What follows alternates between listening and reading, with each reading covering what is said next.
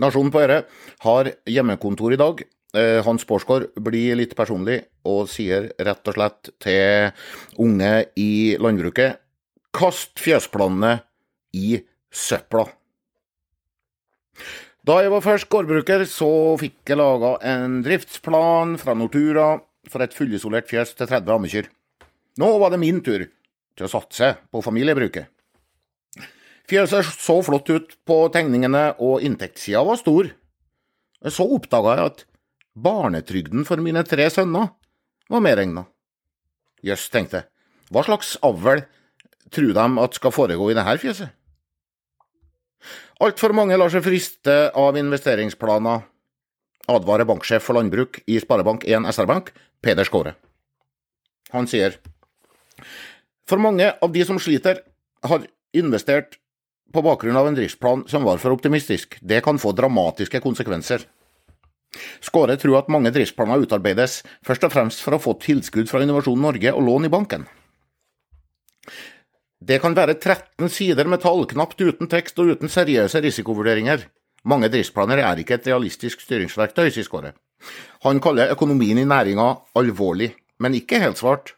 Bøndene har økt sine innskudd og driftsresultat pga. gode avlinger, lave renter og høy etterspørsel under koronaen, men det er svært vanskelig å regne hjem nye prosjekt, enten det er ombygging eller helt nye fjøs, sier Skåre. Endelig tenkte jeg da å lese det her, og delte saken på Facebook-gruppa Venner av norsk landbruk. Da kom kritikken. Hvorfor kan ikke bankene og nasjonen heller kritisere politikerne? Det er jo ikke bondene sin feil at politikken ikke legger til rette for lønnsomhet.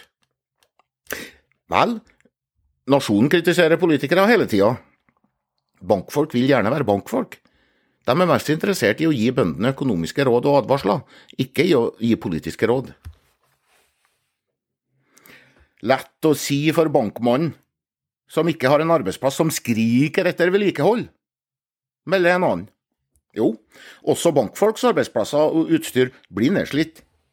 Men PC-er og bankbygg finansieres av bankens inntekter, ikke de bankansattes lønn. Arbeidsplasser som ikke lar seg fornye uten ved gjeldsslaveri og bidrag fra lønnsarbeid utenfor gården, bør ikke reinvesteres. De bør legges ned.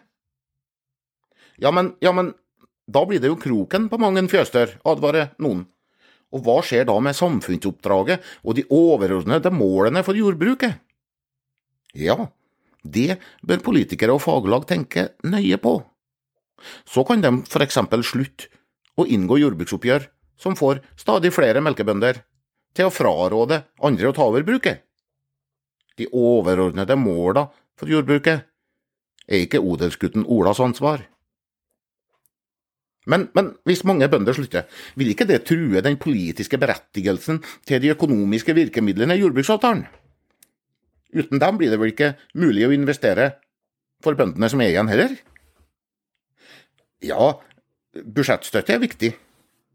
Og dagens budsjettstøtte er viktig å beholde, men ikke for odelsjenta Kari. Hun er ikke tjent med å arbeide for luselønn i et nybygd fjøs gjennom 30 år for at noen andre skal beholde et tilskudd. Den odelsgutten her bygde aldri noe fjøs. Jeg ble nemlig advart av gode rådgivere med til sammen 80 års arbeidserfaring i matproduksjon, forsakelser og fallende lønnsomhet. Jeg kaller dem for mor og far. Jeg syns synd på gårdsungdom som får høre av foreldrene sine at de bør satse fordi de bør satse. At de bør investere fordi de skylder samfunnet å opprettholde en matproduksjon, sjøl om samfunnet underfinansierer den. Jeg syns synd på ungdom som får høre at de bør bygge fjøs for å oppfylle en samfunnskontrakt, og at foreldra ville vært stolt. Jeg sier det, du odelsbårne, drit i samfunnskontrakten. Det er ikke din plikt å bli arbeids- og gjeldsslave for å lage billig mat til verdens rikeste forbrukere. Det er ikke ditt ansvar å velge et liv på inntektsbunnen sånn at den utilstrekkelige jordbruksstøtten og det som er igjen av norsk matberedskap, ikke skal gå fortapt, men ha kunstig liv på flatbygdene.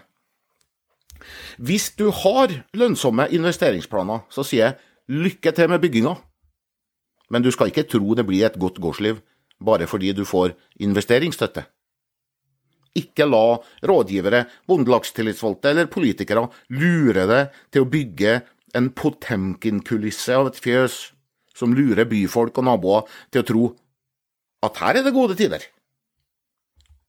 Da ødelegger du både for deg sjøl og for andre bønder. Som banksjef Skåre sier, det er vanskelig å nå fram med budskapet om dårlig lønnsomhet i landbruket, når bønder strekker seg så utrolig langt for å produsere mat. Og hva med forfedrene dine?